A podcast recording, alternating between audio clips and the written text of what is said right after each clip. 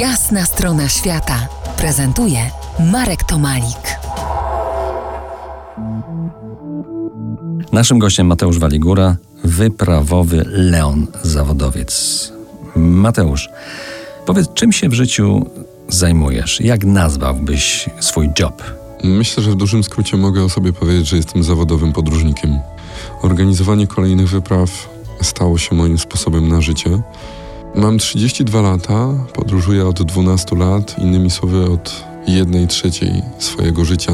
Wszystkie decyzje, które, pod, które w nim podejmuję, prowadzą do tego, co robię teraz. Organizuję kolejne wyprawy, fotografuję, piszę, opowiadam historię.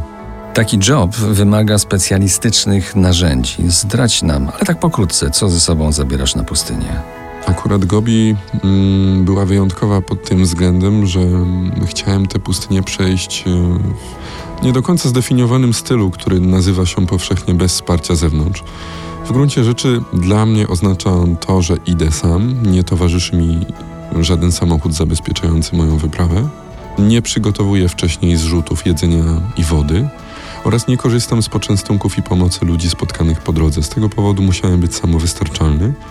Czyli działasz bez wsparcia. Dokładnie tak. I żeby transportować ilości jedzenia, a było, było tego 70 kg, dużej ilości wody czy sprzętu, który pozwala mi funkcjonować mm, w temperaturach plus 30 i minus 30, musiałem stworzyć taki wózek, dzięki któremu transport tego wszystkiego był możliwy.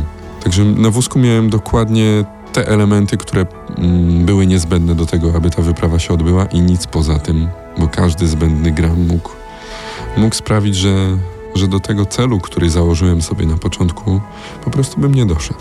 Co w tej pustyni jest takiego, co przyciąga wyczynowców z całego świata? Mówię tutaj oczywiście o, Gabi, o Gobi jeszcze teraz, cały czas. Bardzo charakterystyczne jest to, że na Gobi udają się osoby, które wcześniej działały w górach wysokich, mm, zdobywały koronę Himalajów albo koronę Ziemi, czyli najwyższe szczyty Himalajów i najwyższe szczyty poszczególnych kontynentów. Osoby, które docierały na bieguny północny i południowy. Myślę, że jest to związane z dużą izolacją tego miejsca, z olbrzymią powierzchnią, bardzo trudnym klimatem. I dla wielu ludzi marsz przez Gobi stanowi wyzwanie samo, samo w sobie.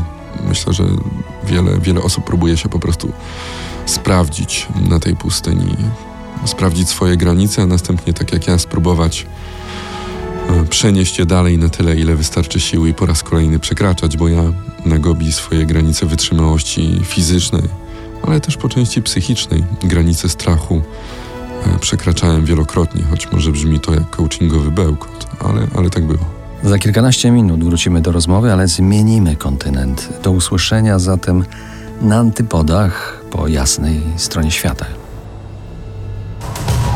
To jest jasna strona świata w RMS Classic.